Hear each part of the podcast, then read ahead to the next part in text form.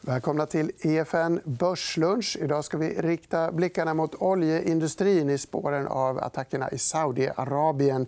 Vi ska titta närmare på ett par nordiska alternativ också. Det här är EFN Börslunch. Som sagt. Det är den 26 september.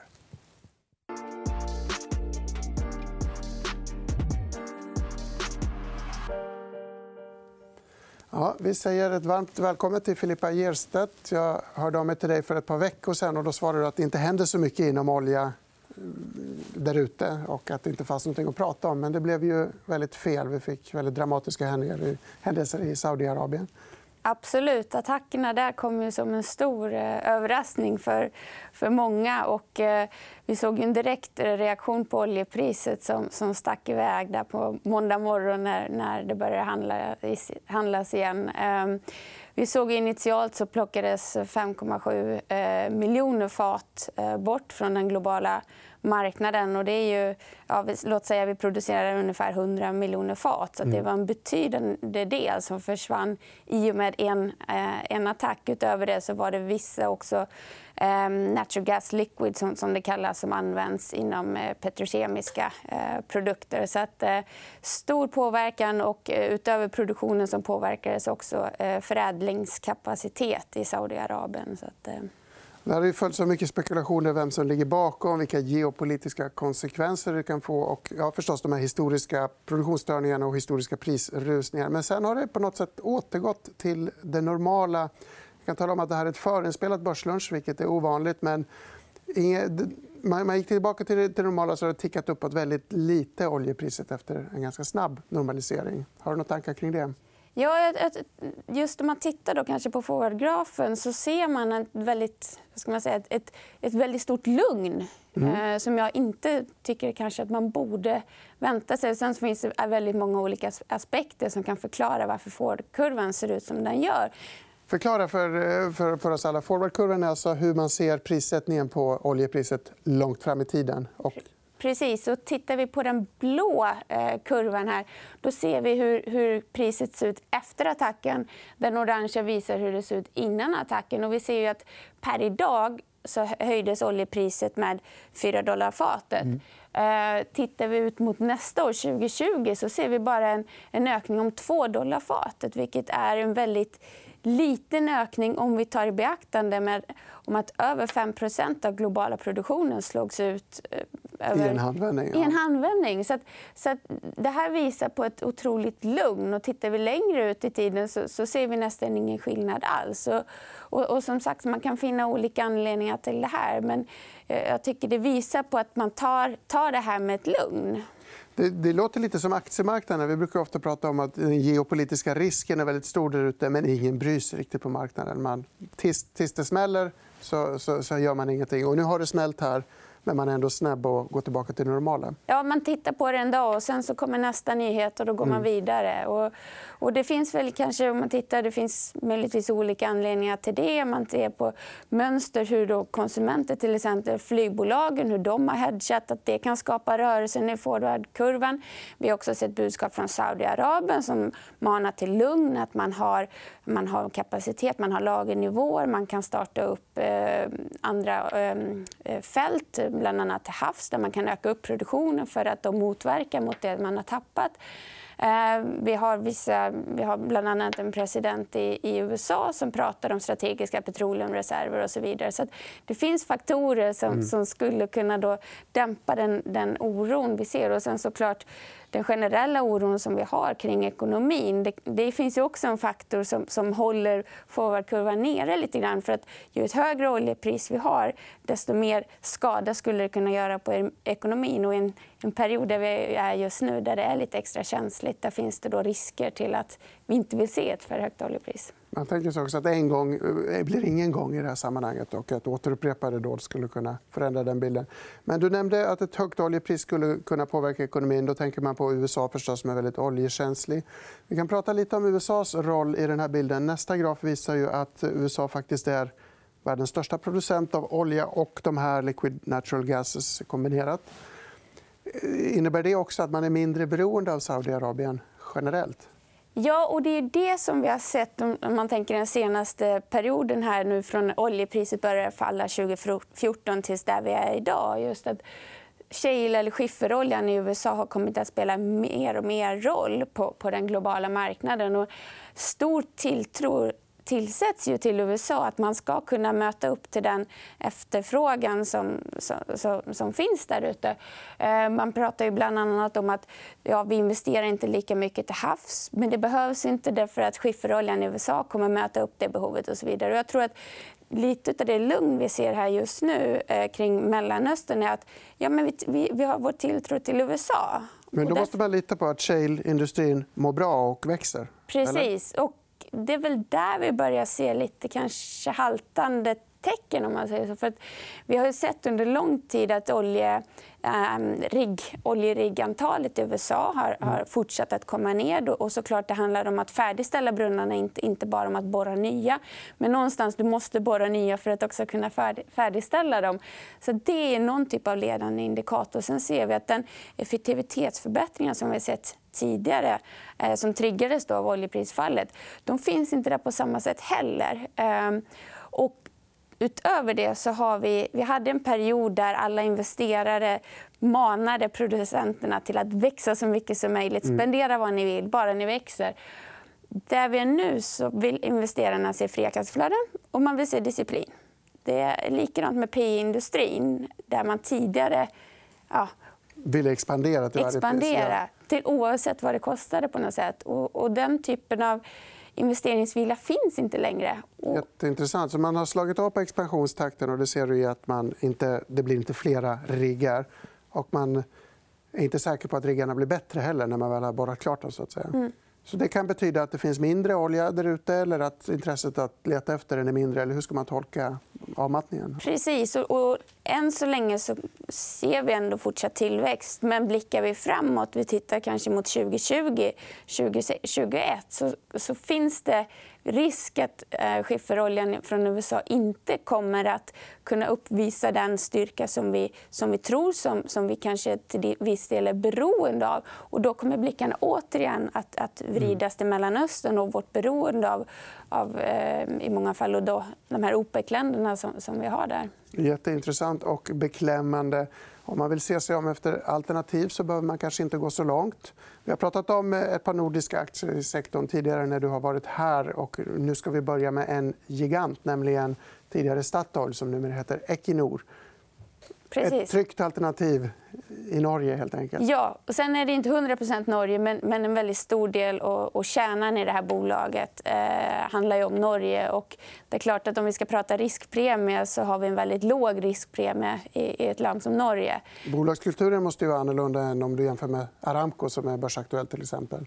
Precis. En norsk eh, kultur eller vad man ska säga. Ja, ett, vad ska man säga, ett sätt att styra mm. bolaget som vi kanske i alla fall eh, här i Sverige är mer eh, vana vid. Eh, transparensen är av en helt annan grad. Och, ehm, ja, ett annat sätt att, att, driva och styra bolaget. Jag tror att det blir ett annat sätt för en utomstående aktieägare att också förstå vad vi faktiskt köper eh, i ett fall som Equinor jämfört med, med Saudi Aramco har inte haft en jättebra, ett jättebra år på börsen. Equinor. Jag antar att det följer oljeprisutvecklingen väldigt mycket. Det har det. Sen så finns det såklart alltid bolagsspecifika anledningar. Nu på man tänker senare tid så har det, har det kommit tillbaka. Det finns, har funnits stor oro kring gaspriset. Där det europeiska gaspriset är otroligt viktigt. Det finns inget annat. Utan man tittar på de här majors, som man kallar dem. Mm. Där vi har Equinor, där vi har BP, Total och de här spelarna. Som har en sån stort beroende av det europeiska gaspriset. Och, och där har vi ju sett ett eh, överutbud. Vi får eh, gas från Ryssland, vi får gas från USA och så vidare. Så där finns det en oro. Eh, men sen så har Equinor också varit, man blickar tillbaka några år, kanske inte den som riktigt har legat högst i den här produktionstillväxtligan. Däremot blickar vi framåt och nu till väldigt mycket då drivet av Johan Svedrup som, mm. som nu förväntas börja producera redan nästa månad, här i oktober. Um, och där får vi nu en helt annan tillväxtmaskin. Uh... Jätteintressant. Vi har en graf som eh, visar utsikterna för just produktionen i Equinor. Du kan berätta lite vad vi ser Ja, man tänker, vi, vi brukar prata om att bolaget har någon typ av basproduktion. och Det här är stora bolag. Jämför man med ett kanske lite mindre bolag som då, eh, Lundin Petroleum eller Aker BP så, så måste det här bolaget eh, springa för fullt för att egentligen bara, bara hålla eh, produktionen stilla. Mm. Man måste hela tiden liksom mata den liksom, produktionsbasen. Eh, men det vi ser nu, och där vi står när man ska kalla det som någon typ av inflektionspunkt i och med att man har en så stor andel i, i Johan Svedrup efter att man gjorde det här eh, transaktionen med Lundin Petroleum så har man över 40% i Johan Svedrup, ett fält som kommer att producera vad vi tror då över 700 000 eh, fat mm. eh, per dag på, på platånivå.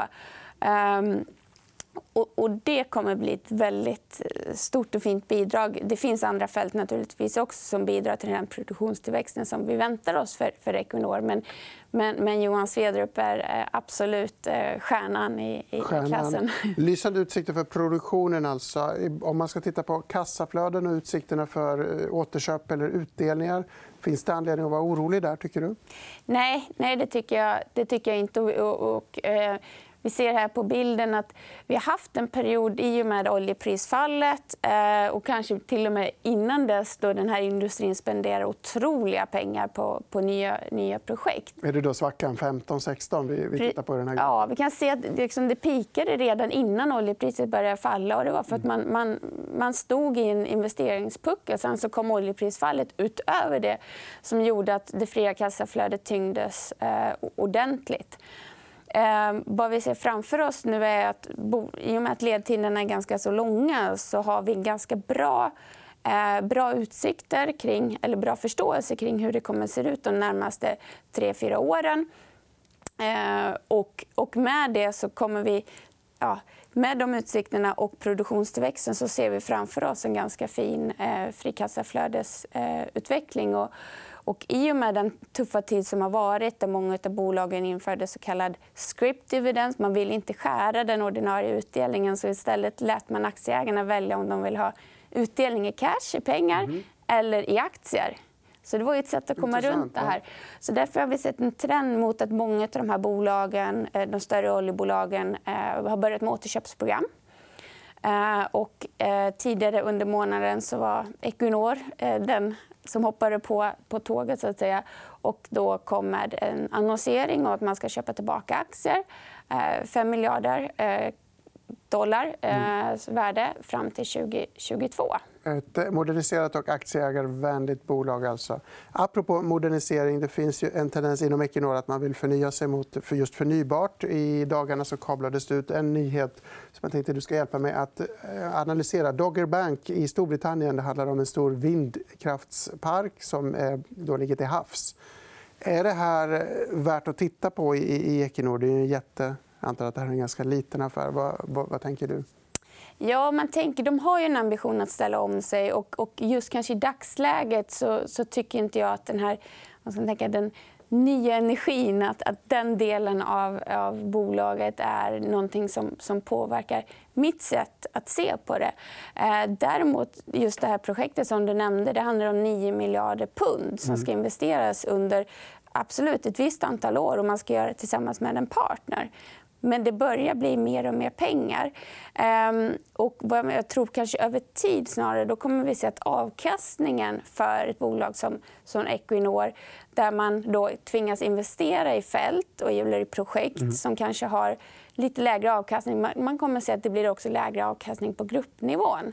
Ehm, så det är en, det är en aspekt. Men jag tycker det här signalerar ju absolut den stora pressen de här bolagen har på sig att ställa sig om till den här nya världen. Och jag menar, det finns allt, mer, allt fler investerare som, som kräver hållbarhet. Du behöver ha en strategi och visa på att hur ska det se ut om 20-30 år. Så lite tyngd på avkastningen som kan tynga värderingen men i bästa fall kan man hoppas på någon slags ESG-premium i värderingsmodellen längre fram. Längre fram. Men jag tror just nu så ser vi redan den här pressen på värderingen. Och, och då är det kanske inte just som, som du nämnde, den här avkastningen utan det är snarare det att vi måste finna en inkrementell köpare till aktien. Och när, när mer och mer fokus ställs på hållbarhet då är inte det här vinnarna. Jätteintressant. Du nämnde Johan Svedrup. Eh, ibland får jag kritik för att jag inte kan uttala fältet ordentligt. Men eh, Lundin Petroleum är jätteaktivt i det här eh, spelet också. Kan vi säga något kort om det bolaget? Jag vet att du tittar mycket på den aktien. Ja, och jag menar, de, de är ju, om man tänker att Equinor är den stora, stora bjässen, så, att mm. säga, så är ju Lundin Petroleum kommer ju, kommer ju verkligen att... Med uppstarten av Johan Svedrup så kommer de att gå från att vara, ska man säga, inte säga det lilla bolaget, men det lite mindre bolaget i alla fall. Det lite mindre lilla bolaget. Här ser vi en lite svår graf, men det är alltså produktionen prognostiserat ja. några år framåt. Och det ser väldigt lovande ut.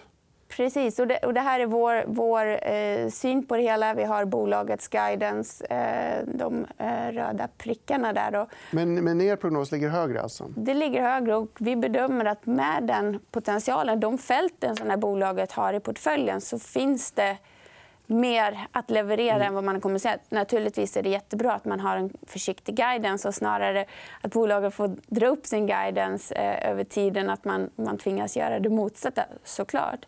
Men vi ser att det här är en faktor som kommer hjälpa till att driva aktiekursen. Johan Svedrup är absolut en, en, viktig, eh, en viktig byggsten men det finns också andra andra drivare i, i portföljen. Just det. Ska vi avsluta med att titta på kassaflöden i Lundin Petroleum också? Dagens sista graf ser ut så här. Och här har vi då återigen eh, våra estimat jämfört med då vad bolaget har, har guidat för. Och precis som man tänker att vi låg högre på produktionen än vad bolaget själva gör. Mm. så är det någonting, Det krävs aktiva beslut. Det kommer krävas investeringar för att du ska nå dit. Så därför ligger vi några år eh, lite lägre då vad bolaget kommer att, eh, vad de själva kommer Och då fäster vi blicken på de blåa staplarna 2022-2023. Där är er prognos lägre än bolagets egen. Alltså. Det är kärnan ja, i resonemanget. Precis. Och, och då kan man tänka kanske den kanske mer kortsiktiga investeraren kommer fokusera på de här två åren då, då, mm. då vi tänker att investeringarna som krävs kommer äta upp en del av den utdelningspotentialen som finns. Men vi ser det som absolut positivt på längre sikt. Och är man bara ute efter utdelning då har vi Equinor. Vill du ha bolag som både kan erbjuda utdelning men riktigt god produktionstillväxt då är det ju eh, Lundin Petroleum. Och därför tycker vi att det är positivt att man, att man tar de här besluten. Men det kräver lite mer is i magen. helt enkelt. Jättebra. Tack så mycket för att du kom hit, Filippa.